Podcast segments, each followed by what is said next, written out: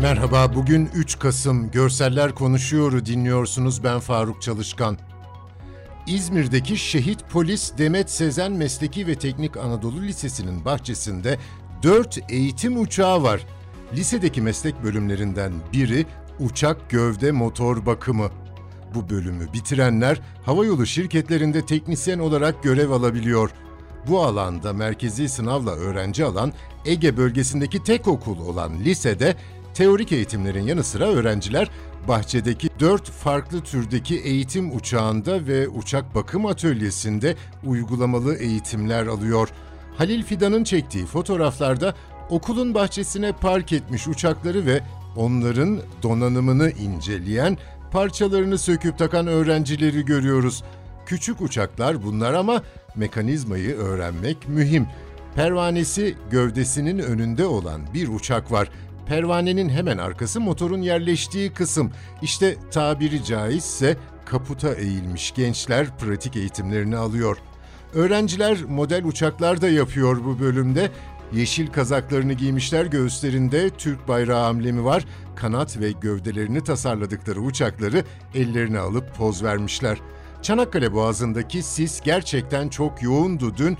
1915 Çanakkale Köprüsü sisin içinde kayboldu. Burak Akay'ın çektiği fotoğrafta köprünün kulelerinin en ucu görünüyor. Karenin geri kalanı tamamen bir pamuksu buluttan oluşuyor. Yüzme, bisiklet ve koşudan oluşan Ironman Türkiye yarışları Antalya'da başladı. Organizasyonda 88 ülkeden yaklaşık 2300 sporcu mücadele ediyor. Mustafa Çiftçi'nin çektiği fotoğraflarda yarışın tüm aşamaları var. İlk karelerde bisikletle son hızla ilerleyen sporcuları görüyoruz. Başlarında kask ve bisikletçilerin giydiği özel giysilerle parkurda ilerleyen sporcuları daha sonra koşarken ve en sonunda denizde yüzerken görüyoruz. Denizdeki manzara özellikle çarpıcı, dalgaların arasında çok sayıda kırmızı leke var. Bunlar büyük bir kitle halinde yarışan sporcuların kırmızı boneleri. Sonra hızlı bir şekilde kumsala çıktıklarını görüyoruz. Gayet zorlu, aşırı dayanıklılık isteyen bir mücadele ve sanırım bu yüzden Demir Adam yani Iron Man adını vermişler yarışa.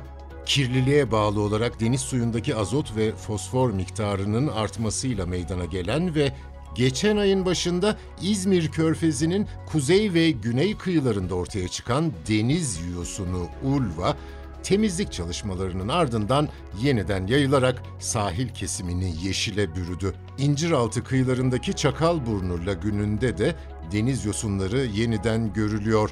Flamingo başta olmak üzere çok sayıda kuşun yaşadığı lagünde suyun yüzeyi deniz yosunlarıyla örtüldü. Halil Fidan havadan da çekmiş bazı fotoğrafları.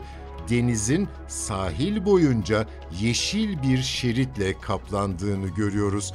Yakından bakınca yeşil bir bitki örtüsü olduğu anlaşılıyor bunun. Bu haftalık bu kadar. Bizi hangi mecrada dinliyorsanız orada abone olmayı lütfen unutmayın. Hoşçakalın.